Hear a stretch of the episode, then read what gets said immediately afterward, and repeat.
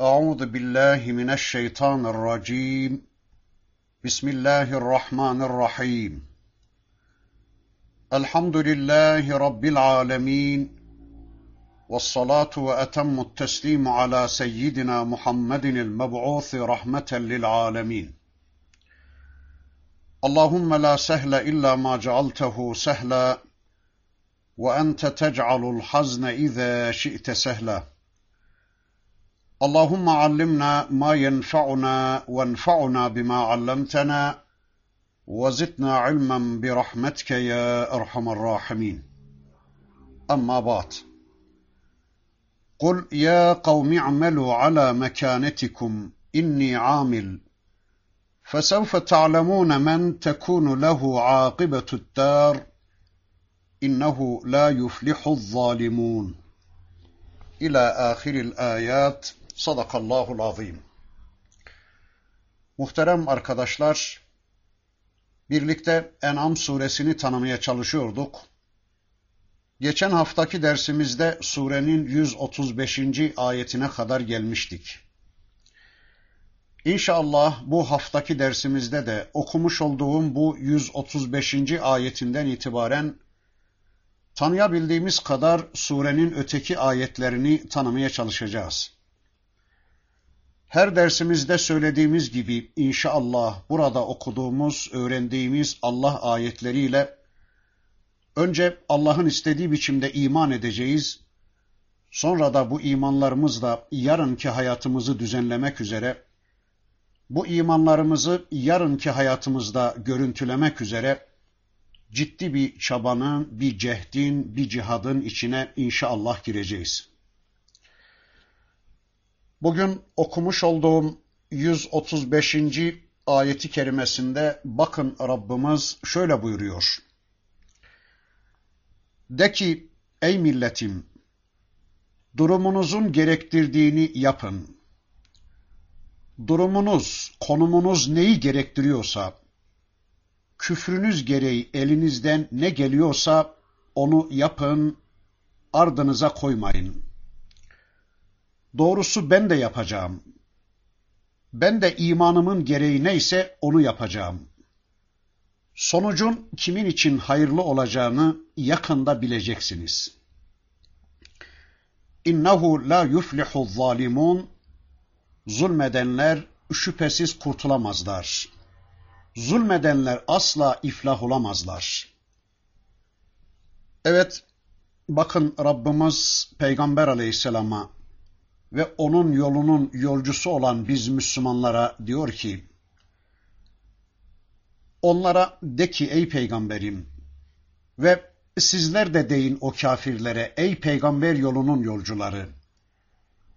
Deyin ki onlara ey kafirler, ey müşrikler, ey zalimler, ey Allah düşmanları, haydi buyurun kendi konumunuza, kendi durumunuza göre ne uygunsa Neyi uygun görmüşseniz yapın bakalım. Ne yapacaksanız yapın bakalım. Sizler elinizden ne geliyorsa, ne yapabilecekseniz yapın. Küfrün gereği olarak, şirkin gereği olarak Allah'la, Allah'ın ayetleriyle, Allah'ın sistemiyle savaş yolunda neye gücünüz yetiyorsa haydi yapın bakalım. Elinizden geleni arkanıza koymayın ne yapacaksanız, nasıl yaşayacaksanız bildiğiniz gibi yaşayın. Ben de bana yakışanı yapacağım. Ben de yapacağımı yapıyorum. Biz de yapacağımızı yapacağız. Pek yakında görecek ve bileceksiniz, gelecek kafirlerin miymiş yoksa müminlerin mi? Gelecekte kafirler mi galip gelecek yoksa Allah dostları mı? Arkasında Allah'ın bulunduğu dava mı galip gelecek, yoksa arkasında şeytanların bulunduğu küfür mü? Bunu çok yakında göreceksiniz. Evet, her şey bu kadar açık ve net bir biçimde ortaya konduktan sonra artık ne yapacaksanız yapın. Siz size uygun olanı yapın, ben de bana uygun olanı yapacağım. Akıbet kime aitmiş? Sonuç kiminmiş? Gelecek kiminmiş? Gelecekte kim egemen olacak yeryüzünde? Hangi dava egemen olacak? Yahut da yaşadığımız bu dünyanın sonunda cennete kim gidecek? Ahiret yurdu kimin olacak? Kim kaybedecek, kim kazanacak? Bunu yakında siz de göreceksiniz, biz de göreceğiz. Sonunda kesinlikle bilecek ve anlayacaksınız ki bu dar ve diyarın akıbeti müminlerin lehineymiş. Zalimler kesinlikle felah bulmazlarmış. Bunu çok yakında anlayacaksınız. Arkadaşlar, Rabbimizin bu beyanlarıyla kesinlikle bilelim ki zalimler asla iflah olmazlar. Zalimlere kurtuluş yoktur. Ve yine kesinlikle bilesiniz ki yarın akıbet, yarın cennet müminlerindir. Öyleyse biz yolumuzdan asla şüphede değiliz. Biz davamızdan, yaşadığımız hayattan asla kuşkuda değiliz. Siz yapacağınızı yapın. Siz yapacağınızı yapın. Biz de bizim yapmamız gerekenleri yapacağız. Sizler inandığınız yolun gereklerini, inandığınız küfür ve şirk dinlerinin amellerini pratikte gösterin. Ben de biz de inandığımız tevhid dininin amellerini hayatımızda sergilemeye devam edeceğiz. Siz imanlarınızı yaşayın, ben de benim imanımı yaşamaya devam edeceğim. Ama ben şunu şimdiden size haber vereyim ki, zalimler asla iflah olmazlar. Zalimler asla iflah olmayacaklar. Zalimler hiçbir zaman egemen olamayacaklar. Zalimlerin ne dünyada ne de ahirette asla kurtulmaları mümkün değildir. Dünyada da ukbada da kurtuluşa erenler ancak müminler olacaktır. Allah'a şirk koşan, Allah'a isyan eden, Allah'ın sistemini reddedip başkalarının sistemlerini yasallaştıran zalim bir toplum ne dünyada ne de ukbada kesinlikle kurtuluşa eremeyecektir. Geçmişte bu böyle olduğu gibi yarın da böyle olmaya devam edecektir. Bu Allah'ın yeryüzünde koyduğu bir yasadır ve kıyamete kadar da bilesiniz ki bu yasa devam edecektir. Arkadaşlar bundan sonraki ayetlerinde Rabbimiz küfrün, şirkin temelini ve tutarsızlığını ortaya koyacak. Şirkin temel felsefesini anlatacak. Yani kafir ve müşrik kafaların ürünlerini, düşünce yapılarını anlatmaya başlayacak. Müşrik kafaların Allah'a inandıkları halde onu hayata karıştırmak istemeyen, Allah'a inandıkları halde yaşadıkları hayatta ona yetki vermeyen ya da hayatı parçalayıp onun bir bölümünde Allah'ı, öteki bölümlerinde de Allah'tan başkalarını söz sahibi kabul eden müşrik kafaların içini ortaya dökecek Rabbimiz.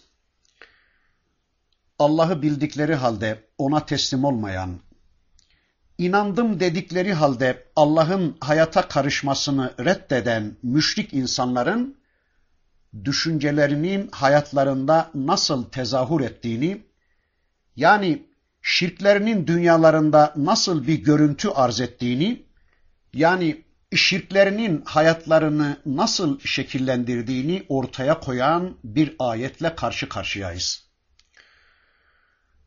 Kafirlerin ve müşriklerin inançlarına göre şekillenen hayatları anlatılacak. Arkadaşlar, her ne kadar kafirler kafirse de hayatlarının kimi yönleri İslam'a uygun olabilir. Mesela kimi insanlar kafir olsalar da yalan söylemezler.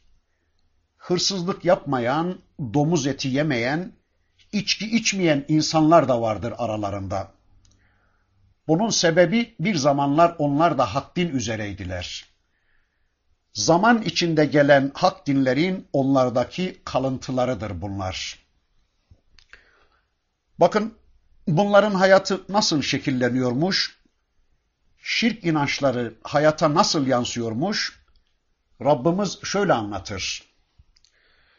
وَجَعَلُوا لِلَّهِ مِمَّا ذَرَأَ مِنَ الْحَرْثِ وَالْأَنْعَامِ نَصِيبًا فَقَالُوا هَذَا لِلَّهِ بِزَعْمِهِمْ وَهَذَا لِشُرَكَائِنَا فَمَا كَانَ لِشُرَكَائِهِمْ فَلَا يَصِلُ إِلَى اللَّهِ وَمَا كَانَ لِلَّهِ فَهُوَ يَصِلُ إِلَى شُرَكَائِهِمْ سَاءَ مَا يَحْكُمُونَ Onlar kendi zanlarına göre bu Allah'ındır, bu da putlarımızındır diyerek Allah'ın yarattığı hayvanlar ve ekinlerden pay ayırdılar, nasip ayırdılar.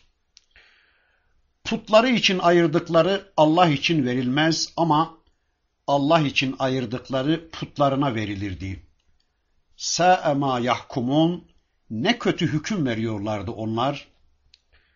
Evet, o Mekke müşrikleri gerek hayvanlardan gerekse ekinlerden, mahsullerden bir nasip ayırıp, bir hisse ayırıp zanlarınca dediler ki bu Allah'ındır.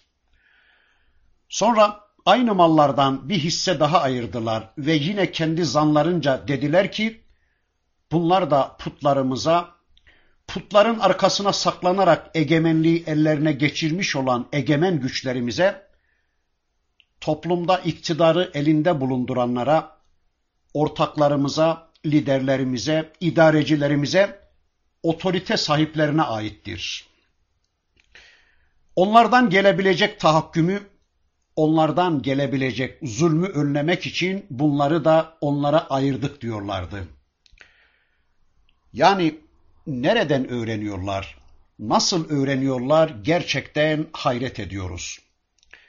Ama iblisten öğreniyorlar akıl hocalarından bilgileniyorlar ve birbirlerine öğretiyorlar bu işi.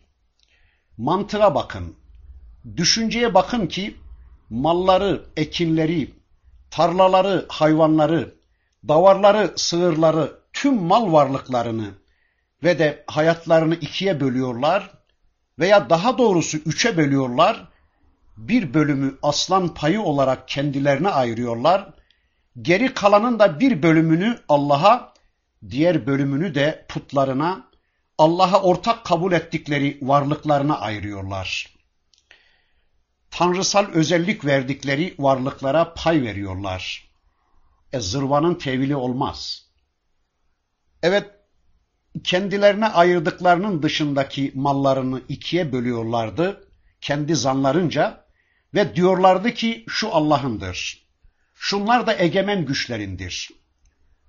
Arkadaşlar, işte şirkin temel felsefesi budur. Şirkin hayat programı budur. Demin de ifade ettiğim gibi müşriklerin, müşrik kafaların ikilem içinde bir hayatları vardır. Şirk kelimesinin ifade ettiği anlam da budur zaten. Şirkte ikilem vardır. Sürekli bir ikilem içinde yaşar müşrik. Hayatının bir bölümünde söz sahibi Allah'tır. Öteki bölümlerinde de söz sahibi başka tanrıları vardır onun. Allah'tan başka hayatlarında söz sahibi olan bu tanrılar bazen ekonomik tanrılardır, kimileri siyasal tanrılardır, kimileri bilimsel tanrılar, kimileri hukuk tanrısı, kimileri şifa tanrısı, kimileri oyun eğlence tanrısı, kimileri dua, tövbe ve sığınma tanrısı, kimileri kılık kıyafet tanrısı, kimileri moda ve adetler tanrısı vesaire vesaire. Tüm şirk toplumlarında bu tanrıları yığınlarla görmek mümkündür. Allah'ın karışmadığı alanlarda bu tanrılar söz sahibidir müşrik toplumlarda. Çünkü hayat ikiye bölünmüştür. Allah'ın karıştığı bölüm, başka tanrıların söz sahibi olduğu bölüm. Zaman da ikiye bölünmüştür. Allah'a ayrılan zaman, başkalarına ayrılan zaman. Allah'a kulluğa ayrılan zaman, başkalarına itaate ayrılan zaman. İbadet gibi Allah'ın karıştığı zaman birimi, onun dışında başkalarına kulluk yapılan zaman dilimi. Arkadaşlar, tüm şirk toplumlarında görmek mümkündür bunu. Allah berisinde hayata etkin olan bu tanrılar bazen canlıdır, bazen de cansız varlıklardır. Bazen canlıdır bu tanrılar insan gibi, insanlar gibi ve her biri hayatın belli birimlerini paylaşırlar. Sen şu bölümde tanrısın, şu bölüm sana aittir. Ama şu bölüm de bana aittir gibi kendi aralarında yetkileri paylaşırlar ve kendi keyiflerince bir dünya oluştururlar. Allah kullarını kendilerine kul köle edinirler. İşte müşrikçe inanarak hayatında bu ikilemi yaşamak zorunda olan insanların bu özelliğini anlatıyor Rabbimiz. Allah'ın kendilerine lütfettiği mallarından, hayvanlarından, ekinlerinden, ürünlerinden birer pay, birer hisse ayırıyorlar ve diyorlar ki şu hisse Allah'ındır, şu da şeriklerimizin, ortaklarımızın, egemenlerimizindir. Halbuki tüm mallar Allah'ındı. Allah'ın malından Allah'a bir hisse ayırıyorlar. Putların, hakimlerin, hükümdarların, idarecilerin onda zerre kadar hakları olmadığı halde onlara da bir hisse ayırıyorlardı. Allah'a ayrılanlar toplumun fakirlerine, muhtaçlarına harcanıyor. Öteki tanrılara ayrılanlar da toplumun egemen güçlerine, idarecilere gidiyordu. Bu kendilerine hisse ayrılan tanrılar eğer canlı varlıklarsa yani insanlarsa bizzat kendileri alıyorlardı bunu. Eğer bu tanrılar cansız putlarsa o zaman da bu putların arkasına saklanan uyanıklar alıyorlardı bunları. Ve böylece insanlardan emdikleri bu kanlarla güçlenip palazlananlar toplumda hakim konuma gelebiliyorlardı. Bir de bakın şöyle yapıyorlardı. فَمَا كَانَ لِشُرَكَائِهِمْ فَلَا يَصِلُ اِلَى اللّٰهِ وَمَا كَانَ لِلّٰهِ فَهُوَ يَصِلُ اِلَى شُرَكَائِهِمْ سَاءَ مَا يَحْكُمُونَ Putlara ayrılan, krallara, idarecilere, egemen güçlere ayrılan, hakim zümreye ayrılan, loncaya, kliye ayrılan, liderlere, sevilen kişilere ayrılanlar mutlaka verilmeliydi yerine. Mutlaka ulaştırılmalıydı onlara ama Allah'a ayrılan mallarda herhangi bir telef, herhangi bir eksilme söz konusu olmuşsa ona verilmekten vazgeçilirdi. Bunu yaparken de gerekçeleri şuydu. E nasıl olsa Allah ganidir. Allah zengindir. Allah'ın ihtiyacı yoktur. Vermesek de olur ona diyorlardı. Ama berikilerin ihtiyaçları vardır. Onlar Allah kadar güçlü, Allah kadar zengin değildirler. Binaenaleyh onların hakkını kesemeyiz diyorlardı. Ne kadar da garip değil mi? Tam müşrik mantığı yani. Peki madem ki Allah güçlüdür, madem ki Allah'ın hiçbir şeye ihtiyacı yoktur, madem ki onlar güçsüzdür, madem ki onlar muhtaçtır, e niye tapınıyorsunuz onlara? Niye onlara söz hakkı tanıyorsunuz hayatınızda? Niye uyguluyorsunuz onların yasalarını? Ve niye kulluk ediyorsunuz onlara? Neden Rab biliyorsunuz onları? Neden? Neden işlerinizi onlara havale ediyorsunuz? Neden hukuku Allah bilmiyormuş gibi onların kapısında hukuk dileniyorsunuz? Neden Allah'ın yasaları dururken onlara yasa belirleme hakkı tanıyorsunuz? Neden veli ve hakim biliyorsunuz onları? Neden egemen biliyorsunuz onları? Arkadaşlar başka değil sadece şirk mantığı diyoruz buna. Hayatlarında sadece Allah egemen değil. Malları konusunda söz sahibi sadece Allah değil. Allah'tan başkalarını da mallarında ve hayatlarında egemen bilen müşrik mantığı, şirk mantığı diyoruz buna. Evet, nasıl olsa Allah'ın ihtiyacı yoktur ama bu beriki tanrılarımız fakirdir. onlara vermek zorundayız diyorlardı. Arkadaşlar bir de anlıyoruz ki bu adamlar Allah'tan korkmuyorlar ama öteki tanrılardan, idarecilerden, egemen güçlerden korkuyorlardı. Çünkü demin de ifade ettiğim gibi Allah'a ayrılanlar toplumda gariban, fakir fukaraya harcanıyordu. Bunların haklarını vermedikleri zaman onlardan kendilerine gelebilecek bir tehlike yoktu. Ama beriki egemen tanrılara, siyasal tanrılara vermedikleri zaman onlardan gelebilecek hapis gibi, başka cezalar gibi şeylerden korkuyorlardı ve onların haklarını derhal ödüyorlardı. Tıpkı şu andaki yeryüzü müşrikleri gibi. Mallarından bir hisse Allah'a ayırıp bu zekattır, bu Allah'ın hakkıdır diyen, sonra mallarından bir ikinci hisse daha ayırıp bu vergidir, bu egemen güçlerin hakkıdır diyen ve Allah'a ayırdıklarında bir eksilme olursa, tağutlara ayırdıklarından bu tarafa Allah'a takviye yapmayan, e ne yapalım az kazandık diyen ama tağutlara ayırdıklarında bir eksilme söz konusu olduğu zaman da Allah'a ayırdıklarından alıp o tarafa takviye yaparak yani zekattan öbür tarafa takviye yaparak onu mutlaka ödemeye çalışan kimseler gibi. Kendilerine o malları, mülkleri veren Allah'tan korkmuyorlar adamlar ama öteki tanrılarından korktukları için onların haklarını hemen ödüyorlar. Evet, Allah için ayrılan verilmese de olur. Zekat verilmese de olur ama öteki tanrılar ihmal edilmemeliydi. Önemli olan Allah'ın rızası değil, öteki tanrıların rızasıydı. Allah'ı kızdırsalar da fark etmezdi.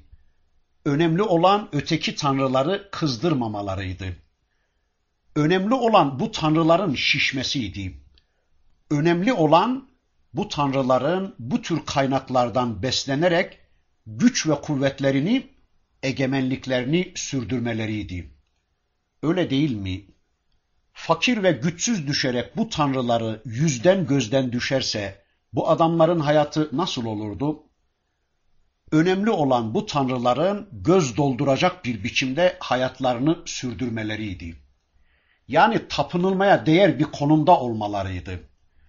Fakir fukara yaşamay verse ne olacak? Zaten yaşamayı ne bilir de onlar? Efendilerinin yaşadıkları hayat da zaten onlar için değil miydi? Önemli olan efendilerin deptebeli ve şaşalı bir hayat yaşamasıdır gerisinin hiçbir önemi yoktur kölelerin gözünde. Efendilerin büyümesi, şişmesi onlar için en büyük şereftir. Evet, işte şirk, işte şirkin mantığı. İşte müşrikler ve işte şirk dininin şekillendirdiği bir hayat. Arkadaşlar, bir de burada şunu söyleyelim. Şirk anlayışı, şirk mantığı müşriğin hayatında ilk önce ekonomik dünyasında, ekonomik anlayışında kendisini gösterir. Yani bir adamın müşrik mi değil mi olduğunu anlamak istiyorsanız, onun mal anlayışına, ekonomik dünyasına bir bakmanız yeterli olacaktır. Şirk anlayışı önce kişinin mala bakışında tezahür eder. Arkadaşlar, şirk anlayışı kişilerin hayatında öyle israf yolları açar ki kapanması bir ömür içine bile sığdırılamaz. Mesela öteki tanrılarının kınamasından korkusu sebebiyle yaya yürüyemediği için araba almak zorundadır. Veya çevre putunun kendisini yadırgayacağından korktuğu için arabanın en pahalısına ve modellisine binmek zorundadır yamalı giyemediği için hep yenisini almak zorundadır. Ayakkabısını tamir ettirmekten utandığı için hep yenisine yetişmek zorundadır. Modası geçti endişesiyle üç aylık elbisesini soymak ve yerine yenilerini almak zorundadır. Meslek icabı, mevki icabı şöyle bir evde oturmaktan haya ettiği için böyle bir villada oturmak zorundadır. Gelen misafirlerden korktuğu için evini şöyle şöyle tefriş etmek zorundadır. Evet, Allah'tan başka tanrıların da varlığına inanan, hayatında onların da hatırını kazanmak için çırpınan bir müşrik, bu tanrıları hatırına hayatında öyle olmadık gedikler açar ki, bir ömür boyu çırpınır durur da yine de bir türlü kapatamaz bu gedikleri. Bu put adına, bu spor adına, bu klik adına, bu parti adına, bu makam adına, bu sosyal hayat adına, bu şöhret adına, bu alkış adına, bu toplum adına, bu çevre adına, bu mevki adına diyecek ve harcadıkça harcayacak. Evet, böyle topluma, çevreye, modaya, adetlere, törelere de kulluk edilirse hayat böyle olur işte. Müşriğin hayatı böyledir. Şunu da memnun edebildim mi acaba? Şunun da gözüne girebildim mi acaba? Şunların sofrasında da ben konuşuluyor muyum acaba? Onların gündemlerine de ben girebilmiş miyim acaba diye bir ömür boyu çırpınır durur müşrik. Çünkü sadece Allah'ın kulu değildir o. Sadece Allah'a karşı sorumlu değildir. Onun sorumlu olduğu, kulluk yaptığı başka tanrıları da vardır. Halbuki Müslümanın hayatında sadece hakim güç Allah'tır. Allah kendisinden razı olduktan sonra tüm dünya kınasa vız gelir mümin için. Razı edeceği varlık tek olduğu için de çok rahattır Müslüman. Kalbi parça parça değildir onun. Çok efendiyi razı etmek için yorulmuş bir adam değildir o. Rabbı kendisinden razı mı? Tamam, rahattır o. Evet, Müslümanın kazanırken de, harcarken de hayatında hakim güç sadece Allah'tır. Hayatına egemen varlık sadece Allah'tır. Gecesine, gündüzüne, malına, mülküne, koyunlarına, ekinlerine egemen varlık sadece Allah'tır. O sadece Allah'ı dinler, sadece Allah'ın istediği şekilde bir hayat yaşar. Ama evet şu anda yeryüzünde çokça gördüğümüz müşrikler mallarını parçalayıp onun bir bölümünde Allah'tan başka tanrıları söz sahibi kabul ettikleri gibi işte şu anda yeryüzünde çokça gördüğümüz müşrikler mallarını parçalayıp onun bir bölümünde Allah'tan başka tanrıları söz sahibi kabul ettikleri gibi bir de zamanı parçalayıp o konuda da ikilem yaşayan insanlardır. Görüyoruz işte adamlar zamanı da parçalıyorlar. Allah'ın kendilerine lütfettiği 24 saatin sadece 2 saatini Allah'a verdiler. 2 saatini Allah'a ayırdılar. Bu Allah'a yeter dediler ve geriye kalan 22 saatini kendilerine ayırdılar. Bu bize ait dediler. Mekan konusunda da aynı ayrımı yapıyor müşrikler şuralara şuralara Allah karışır ama şuralarda şuralarda filanların hükmü geçerlidir diyorlar. Tamam mescitlerde Allah söz sahibidir ama onun dışında kalan yerlerde bizim söz sahibi başka tanrılarımız vardır diyorlar. Bu kadarı Allah'a yeter diyorlar. Allah öyle hayatımızın her bölümüne karışmamalı diyorlar yüzde on, yüzde yirmi Allah'a yeter diyorlar ama geri kalan yüzde seksen doksanını kendi keyiflerine, kendi putlarına ayırıyorlar. Evet, فَمَا كَانَ لِشُرَكَائِهِمْ فَلَا يَصِلُ ilallah. Arkadaşlar, ayeti bir de şöyle anlamaya çalışıyoruz. Ayırsınlar bakalım, kendilerince taksim etsinler. Ama bilsinler ki böyle bir mantıkla Allah'a ayırdıkları asla Allah'a gitmez. Allah asla böyle bir ayrımı kabul etmez. Yani böyle put yanında düşünülen, putla birlik düşünülen, ortaklı düşünülen bir Allah hakkı Allah tarafından asla kabul görmez. Yani böyle malında Allah'tan başkalarını da egemen gören bir müşrik, Allah'a ne kadar da çok ayırmış olursa olsun, Allah bunu ondan asla kabul etmeyecektir. Öyleyse putlarına ayırdıkları elbette putlarına gider ama böyle şirk içinde bir ayrımı Allah kesinlikle kabul etmeyecektir. Yani böyle putları kendileri ayırdıkları, verdikleri hepsi birden cehennemde birbirlerine lanetleşecekler. Bu hainler onu bekliyorlar. Evet, Allah'la birlikte onun yanında başkalarını da ilahlık makamında gören bu insanlar, Allah'ın kendilerine lütfettiği o malları konusunda bir pay ayırıyorlar ve diyorlar ki, Ya Rabbi işte bu senindir. Bu senin hakkındır. Ama şunlar şunlar da bizim tanrılarımızındır.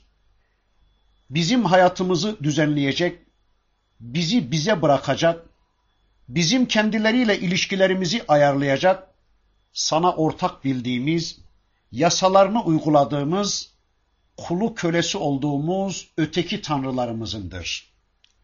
Allah da diyor ki bakın, o ortaklarına ayırdıkları asla Allah'a ulaşmaz. Ama bu Allah'ındır dedikleri onların putlarına, ilahlarına varır ulaşır. Sa'e ma yahkumun. Ne kadar da kötü hükmediyorlar, ne kadar da çirkin ve adi bir iş yapıyorlar. Hiç düşünmüyorlar mı bu adamlar? Hiç akılları yok mu bunların? Bu kendilerinin sahip oldukları ekinlerde ve hayvanlarda bu mallarında Allah'tan başka kimin hakkı olabilir? Bunları kim verdi onlara? Mallarını peşkeş çekmeye çalıştıkları bu yeryüzü tanrılarının, bu tanrı taslaklarının ne hakları olabilecek de bu mallarında? Dünyada tanrılığa soyunmuş bu aciz tanrı taslaklarının, bu aciz tanrıçaların tamamı toplansalar, acaba bu hayvanlardan bir tanesini yaratabilecekler mi?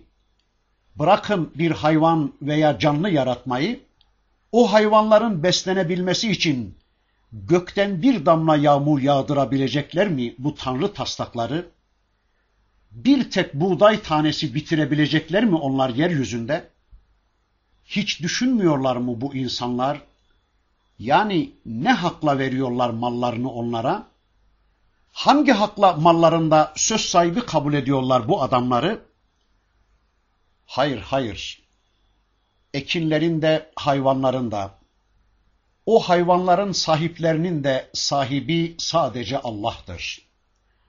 Hayatın sahibi Allah'tır. Göklerin ve yerlerin sahibi Allah'tır. Gecenin sahibi, gündüzün sahibi Allah'tır. Mallarımız da, mülklerimiz de, hayatımız da Allah'ındır. Bizler şu anda birer emanetçiyiz. Ve emanetin sahibi de haydır, hayattadır. Emanetin sahibi olan Rabbimiz, bütün bu verdiklerini nerede ve nasıl harcamamızı, nerede ve nasıl kullanmamızı istiyorsa, oralarda harcamak ve kullanmak zorundayız. Mallarımız emanettir. Evlatlarımız emanettir. Bedenlerimiz emanettir. Akıl emanettir. Bilgi emanettir. Zaman emanettir. Her şey emanettir ve emanetin sahibi de hayattadır. Tüm bu verdiklerini nerede ve nasıl kullanacağımızı ona sormak zorundayız. Ama müşrikler Allah'a sormayarak kendilerini bu konuda yetkili görmüşler ve bu şekilde rezil bir hayatın adamı olmuşlar Allah korusun. Arkadaşlar bu ayet bana şunları anlattı. Kimi arkadaşlarla görüşüyorum, beni sevdiklerini söylüyorlar. Anlattığım Kur'an'a şiddetle ihtiyaçlarının olduğunu, birlikte ders yapmamız gerektiğini söylüyorlar. Tamam diyorum. Haftada bir akşam buluşup okuyalım. Birlikte anlamaya çalışalım. Bir iki hafta çok dikkatli dinliyorlar. Üçüncü hafta soruyorum. Üçüncü hafta soruyorum. Bu hafta neredeyiz, kimin evindeyiz diye adam başlıyor bin bir mazeretler beyan etmeye.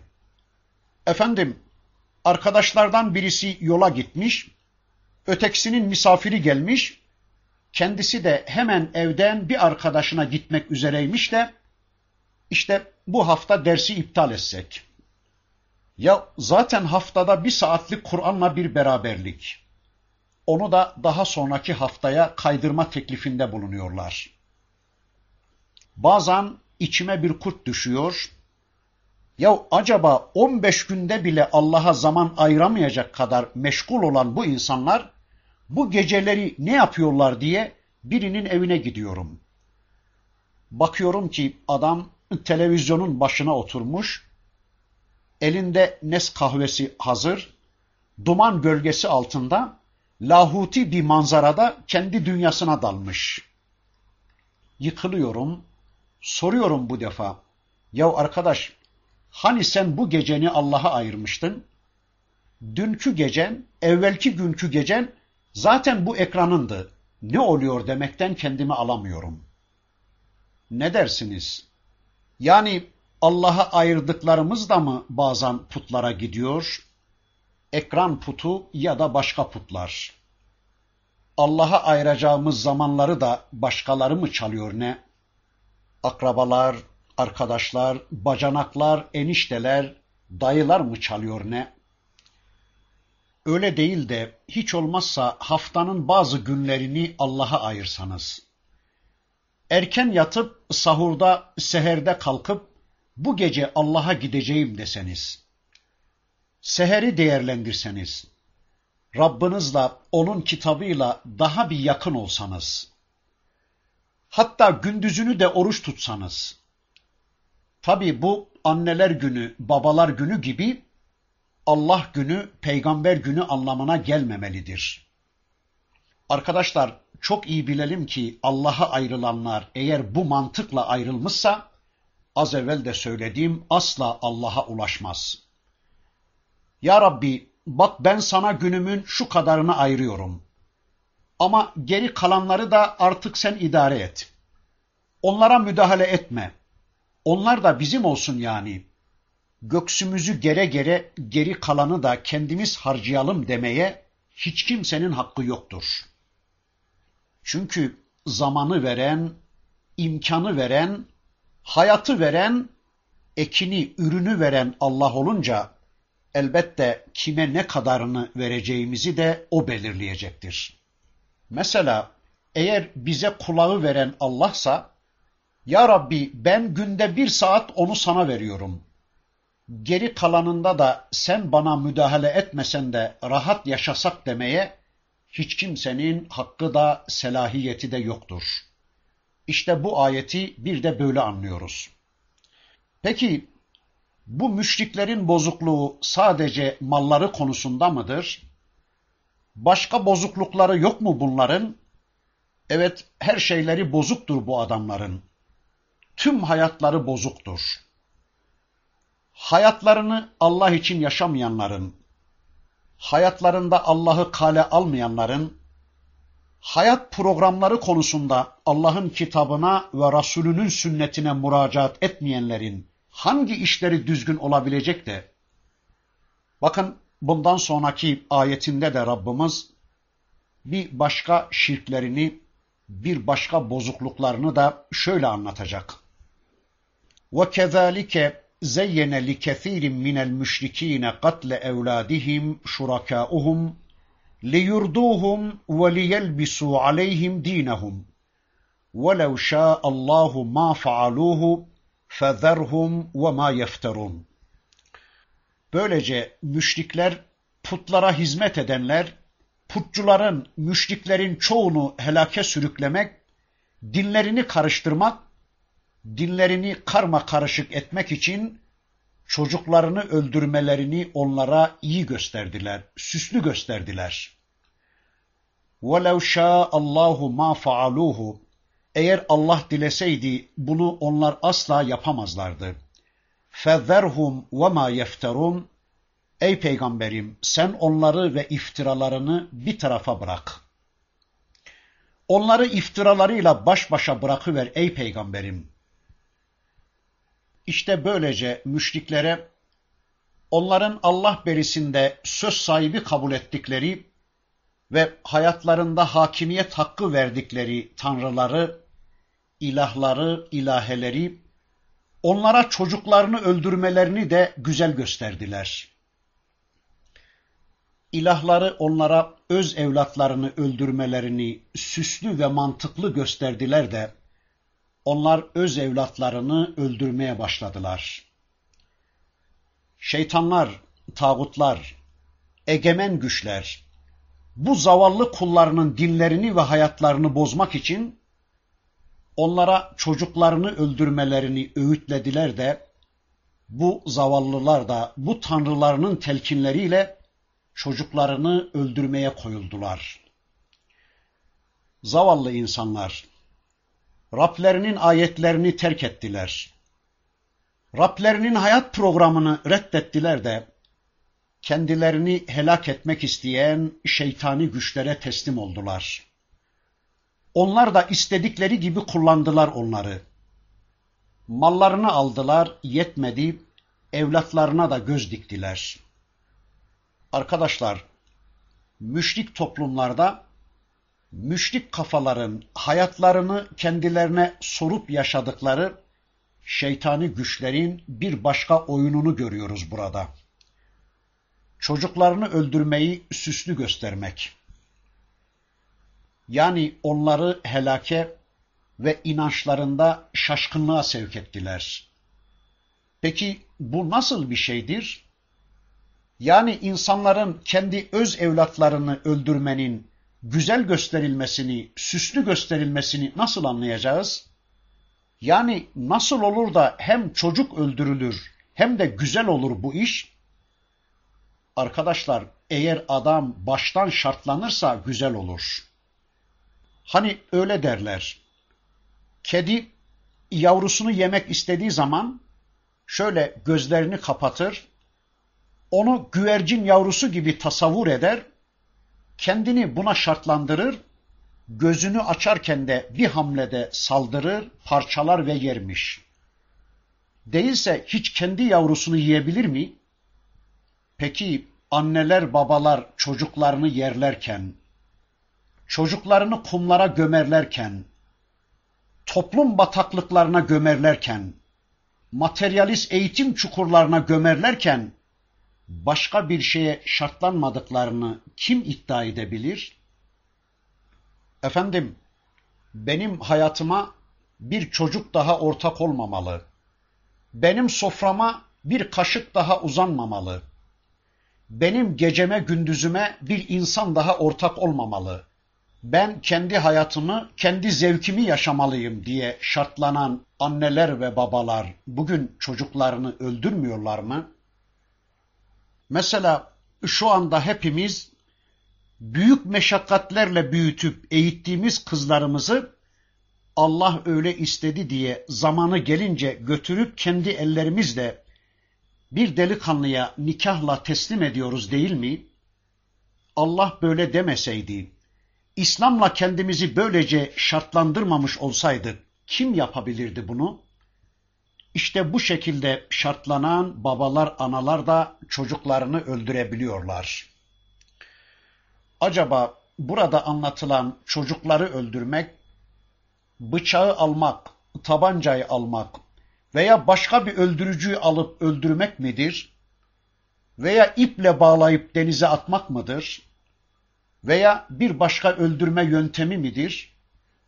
Arkadaşlar bakıyoruz kitabımıza işte bu surenin önceki ayetlerinde Rabbimiz ölü ve diri konusunda farklı kavramlar öğretti bize. Hani Kur'an'la beraber olan, vahyi tanıyan, vahiy ile yürüyen, vahiy ile hareket eden kişi diri, onunla beraberliğini yitirenler de ölüydü. Çocuklarını kitapsız ve peygambersiz bırakanlar onları öldürmemişler mi? Bunu gayet rahat, zevkle yapmıyorlar mı bu insanlar? Belki ben çocuğumu kendi ellerimle öldürüyorum diyenleri göremezsiniz bugün. Ama işte müşrikler de kendi kendilerine bir mantık geliştiriyorlar. Bu çocuk ölmeli. Bu çocuk öldürülmeli. Bu çocuk ortadan kaldırılmalı. Bu çocuk benim soframa oturmamalı. Bu çocuk benim ekonomik dünyama ortak olmamalı. Bu çocuk benim geceme gündüzüme ortak olmamalı diyorlar. Bunu kabulleniyorlar, şartlanıyorlar ve çok rahat bir biçimde çocuklarını öldürüyorlar. Evet, müşrik insanların tanrıları olan bu şeytani güçler, bu tağutlar, Allah berisinde topluma egemen olan bu tanrı taslakları, kullarının dünyada sıfırı tüketmeleri için, dünyada acı bir hayat yaşamaları için, kendilerini böylece yiyip bitirip mahvetmeleri için, öbür tarafta da cehenneme yuvarlanmaları için, onlara kendi öz evlatlarını bile öldürmelerini tavsiye ediyorlar. Ne kadar acı değil mi? İnsanlar Allah'ı bırakacaklar, Allah'ın sistemini bırakacaklar, sonra Allah berisinde birilerini Tanrı kabul edecekler, onların kanunlarını uygulamaya çalışacaklar, onlara kul köle olacaklar ve sonra da bu Tanrı taslakları velayetlerini ellerine aldıkları bu kullarının mallarını, mülklerini ellerinden alacaklar, çoluk çocuklarına göz dikecekler ve diyecekler ki, Ey benim gönüllü kullarım! Ey gerçek Rablerini terk ettikleri için benim kucağıma düşmek zorunda kalan akıllı kullarım! Ben sizleri düşünürüm. Siz beni dinleyin, gerisine karışmayın. Sizin fazla mala mülke ihtiyacınız yoktur. Sizin fazla çocuğa da ihtiyacınız yoktur. Sakın ha fazla çocuk sahibi olarak bana vermeniz gerekenleri, bana yedirmeniz gerekenleri onlara yedirmeye kalkışmayasınız. Sizler akıllı insanlarsınız. Akıllı oluşunuz Rabbinizi terk etmenizden bellidir. Böyle akıllı, kültürlü, aydın insanlar olarak sizler her şeyden önce beni düşünmek, bizi hesap etmek zorundasınız.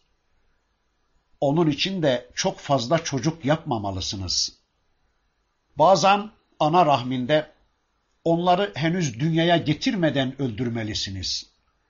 Bazen ana rahmine düştüğü andan itibaren öldürmelisiniz.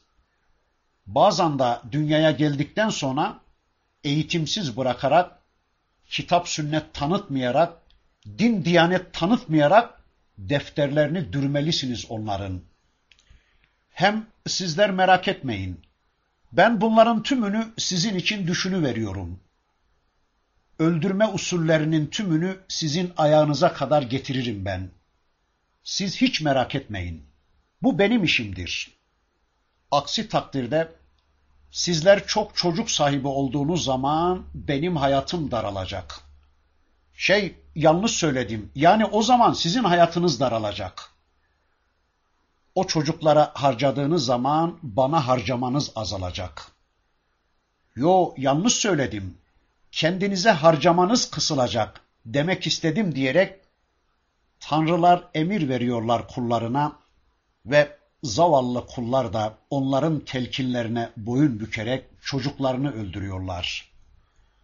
Halbuki hepsi yalan, hepsi yutturmaca. Eğer bu sahte tanrılar, bu egemen güçler toplumun kanını emmeye çalışan bu bir avuç tağuti ve şeytani güçler bu dünyanın ekonomisini bozmasalar vallahi de billahi de bu dünya şu andaki nüfusunun üç misli nüfusu bile besleyecek imkanlara sahiptir. Yalan söylüyor hainler. Yalan söylüyor insanlık katilleri. Çünkü rızkı ayarlayanlar, rızkı taksim edenler, rızkı yaratanlar onlar değil Allah'tır. Allah yarattıklarını asla ihmal etmez. Yeryüzünde ne kadar insan varsa ona göre rızık yaratan Allah'tır. Yeryüzünde Allah'lığa soyunan bu doymazlar yalan söylüyorlar. Ne kadar az insan olursa o kadar şişebileceklerine inanıyor bu zalimler. Tamam bunlar zalim, zalim de ya bunlara kulluk edenlere ne demek lazım? Onlar da en az bunlar kadar zalim değiller mi? Evet, şirk onlara da bunlara da işte bunu yaptırıyordu. Ya doğmadan önce ana rahminde ya daha evvel kontrol haplarıyla ya doğduktan sonra namus korkusu ve ar duygusuyla damada teslim etme acısıyla ya da ekonomik sebepler yüzünden çocuklarını öldürüyorlar ya da doğduktan sonra onları dinsiz bırakarak, eğitimsiz bırakarak, materyalist bir eğitim sistemine terk ederek onları öldürüyorlar. Müşrik insanı buna iten bir başka temel felsefe de bencillik duygusudur. Hayatını yaşama, hayatını bir başkasıyla paylaşmama mantığıdır. Batıdaki kafirler buna inandıkları için orada ayrıca devlet baskısına gerek kalmamıştır. Ama halkı Müslüman olan ülkelerde bu iş devlet baskısıyla gerçekleştirilmektedir. Peki dertleri ne bu adamların? Birinci dertlerini söyledim. Kendi karınlarını şişirmek ve insanları daha çok sömürmek istiyorlar. İkinci dertlerine gelince o da aman İsmailoğulları çoğalıp da bize kafa tutacak duruma gelmesinler. Aman bu İsmailoğulları sayısal çoğunluğa ulaşıp da yıllardır döktüğümüz kanların hesabını sorabilecek bir konuma gelmesinler. Aman bu köleler palazlanıp da bize isyan edecek konuma gelmesinler diye efendilerimiz tedbirler düşünüyorlar. Köleleri, efendileri işte bunları empoze ediyorlar. Ama demek ki insanlar eğer vahyi tanımazlar, Allah'tan başkalarını da dinlerler, Allah'tan başkalarına da kul köle olurlarsa, işlerini onlara havale ederlerse, onlar da onların işlerini bozarlar, dinlerini işte böyle karma karışık hale getirirler. Böylece işte bu tür İslam dışı anlayışları onlara güzel göstermeye devam ederler. Arkadaşlar, eğer bizler hayatımızı düzenleme konusunda yalnız Allah'ı dinler, yalnız vahye kulak verirsek, bize Allah ve Resulünün dediklerini aktaranlara kulak verirsek, yani yalnız vahiy gözlüğüyle hadiselere bakmaya çalışırsak, o zaman dinimizi kurtarma imkanını elde edebiliriz. Değilse vahyi tanımayan insan şeytanı da tanıyamaz. Şeytanın oyunlarını da, tağutların oyunlarını da tanıyamaz. Eğer şu anda bizler vahyi bir kenara bırakır da başkalarını dinlemeye çalışır, başkalarının sözlerini vahiy yerine koyarsak, o zaman Allah korusun dinimizi karma karışık hale getirir, yolumuzu kaybederiz. Zaten ayeti kerimede Rabbimiz o başkalarının insanların dinlerini karma karışık hale getirmek istediklerini anlatıyor.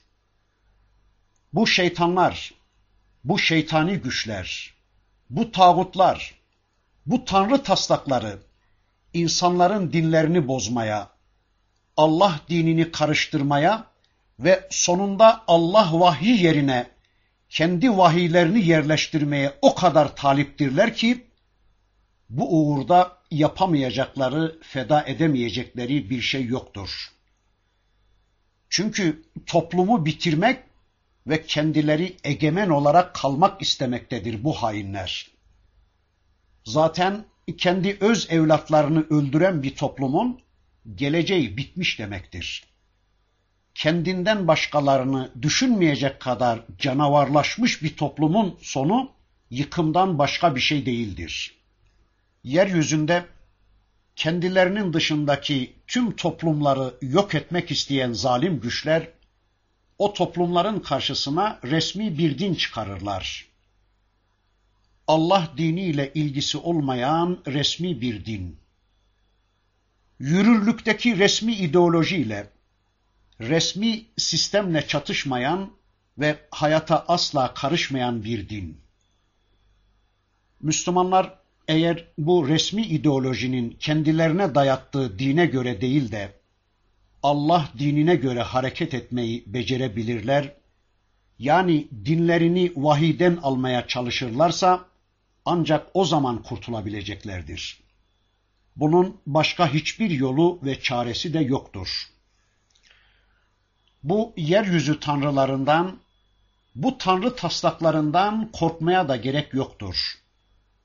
Çünkü bakın ayetin sonunda Rabbimiz buyurur ki وَلَوْ شَاءَ اللّٰهُ مَا فَعَلُوهُ فَذَرْهُمْ وَمَا يَفْتَرُونَ Ama bu hainlerin insanlara çocuklarını öldürmeyi süslü göstermeleri, sakın onların güçlü oldukları zehabına götürmesin sizi.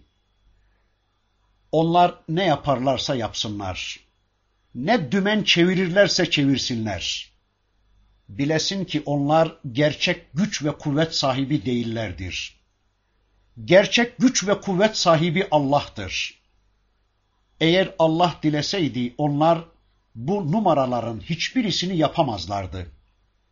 Yani eğer onlar şu anda bir şeyler yapabiliyorlarsa bilesiniz ki Allah müsaade ettiği için bunu yapabiliyorlar. Allah izin vermeseydi ne onlar Rablik iddiasında bulunabilirler ne de berikiler onların kulu kölesi olabilirlerdi. Allah dilemeseydi ne onlar insanların dinlerini karıştırabilirler ne de berikiler onların bozuk dinlerine tabi olabilirlerdi. Allah dileseydi bunların hiçbirisi kafir ya da müşrik olamazlardı. Ama Allah onların yollarını açıvermiş, sapsınlar, sapıtsınlar ve sonunda cehennemi boylasınlar diye. Öyleyse bırakıver onları ey peygamberim. Salıver onları bildikleri gibi yaşasınlar kendi sapıklıkları içinde. Kendi dinleriyle, kendi şirkleriyle, kendi yollarıyla, kendi tanrılarıyla ve iftiralarıyla baş başa bırakıver onları. Sen yalnız Allah'ı dinle. Sen sadece Rabbinin vahyine kulak ver. Ona dayan, ona güven, ona sarıl ve yoluna devam et. Nasıl olsa bir gün Allah'ın huzuruna gelecekler ve hesap verecekler o hainler. Arkadaşlar, bundan sonraki ayeti kerimede müşriklerin yanlışlarından birisi daha gündeme geliyor. Bakın ayet 138 Rabbimiz şöyle buyuruyor. وَقَالُوا هَذِهِ أَنْعَامٌ وَحَرْثٌ حِجْرٌ لَا يَطْعَمُهَا إِلَّا مَنْ نَشَاءُ بِزَعْمِهِمْ وَأَنْعَامٌ حُرِّمَتْ ظُهُورُهَا وَأَنْعَامٌ لَا يَذْكُرُونَ اسْمَ اللّٰهِ عَلَيْهَ افْتِرَاءً عَلَيْهِ سَيَجْزِيهِمْ بِمَا كَانُوا يَفْتَرُونَ Bu hayvanlar ve ekinleri dilediğimizden başkasının yemesi yasaktır. Bir kısım hayvanların sırtlarına yük vurmak da haramdır iddiasında bulunarak ve bir kısım hayvanları keserken de Allah'ın adını anmamak suretiyle Allah'a iftira ederler.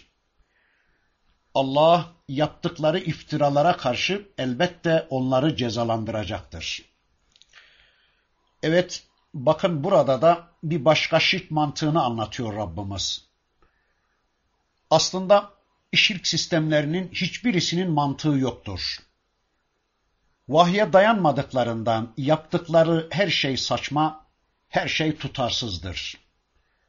Önceki ayetlerde hayvanlar konusundaki tutarsızlıklarını, saçmalıklarını görmüştük. Burada da yeme içme konusunda, yiyecek ve içecekler konusundaki tutarsızlıklarını, saçmalıklarını görüyoruz. Bakın diyorlar ki, şu hayvanları ve şu ekinleri bizim dilediğimizden başkalarının yemesi yasaktır. Şu hayvanlara ve ekinlere yaklaşmak yasaktır. Bunlara dokunmak, bunları kullanmak, binmek, yaklaşmak, yemek, içmek yasaktır. Kendilerince, kendi zanlarınca, kendi ümniyelerince diyorlardı ki, bunları bizim dilediklerimizin dışında hiç kimse yiyemez. Şu hayvanların sırtları, onların sırtlarındakiler haram kılındı. Şu hayvanların üzerine de onların kesimi esnasında Allah'ın adı anılamaz. Onlar kesilirken besmele çekilemez diyerek Allah'a iftira ediyorlardı. Besmelesiz adamlar, Tanrı da böyle ister diyerek kendi anlayışlarını kutsamaya çalışıyorlar. Hiçbir delilleri de yoktur bu konuda. Yani İbrahim Aleyhisselam böyle dedi diye filan değil. Buhari'de gördük, Müslim'de okuduk filan diye değil. Kendi zanlarınca, kendilerince öyledir de onun için. Demek ki bunu yaparlarken dayandıkları ne? Sebep ne? Dedim ya şirkin mantığı olmaz. Belki de işte şu anda yeryüzünde hayvan kesimini hoş görmeyen atlarına vejeteryan mı deniyor? Et yemezlerin yaptığı da bu mantıksızlıktır.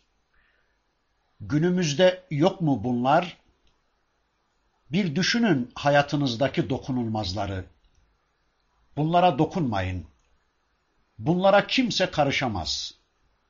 Bu konulara Tanrı bile karışamaz.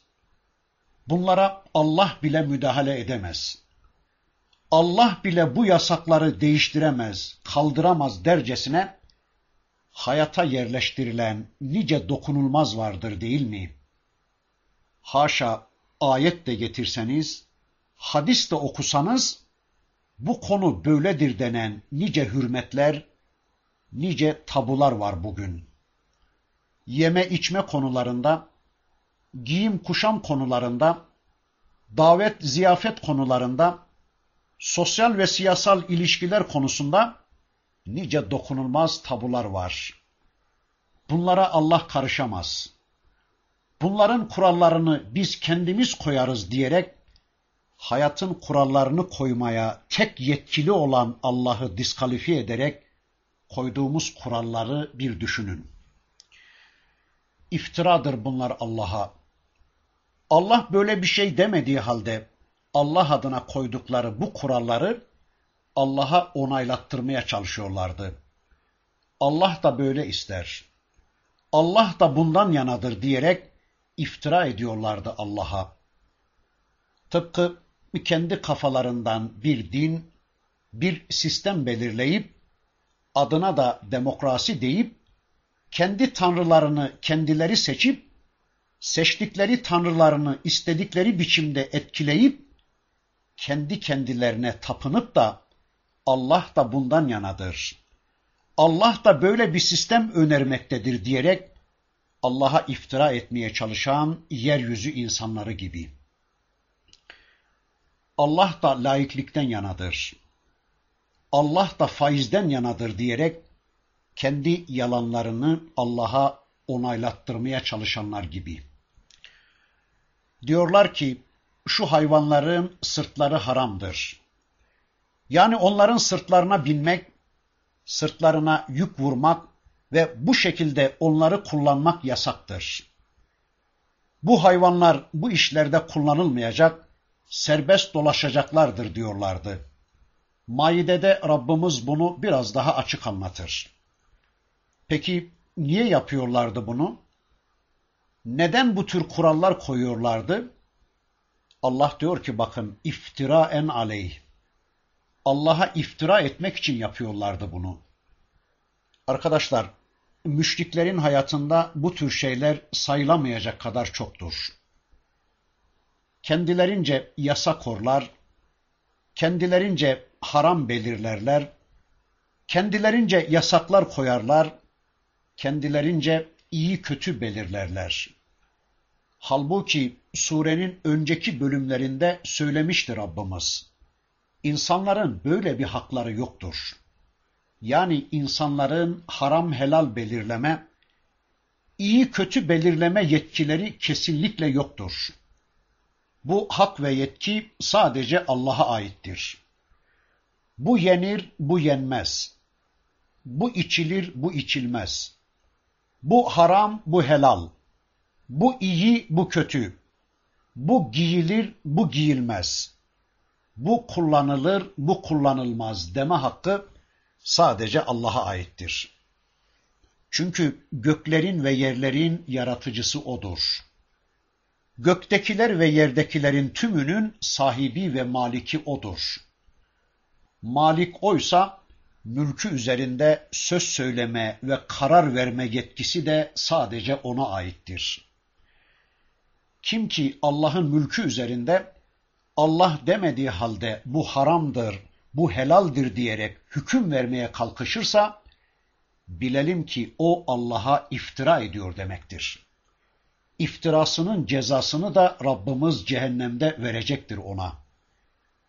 Kendi varlıkları, kendi yaşantıları üzerinde bile yetkileri, egemenlik hakları olmayan bu insanlar nasıl oluyor da birbirlerine egemenlik iddiasında bulunarak Allah demediği halde haram helal sınırları belirlemeye kalkışıyorlar.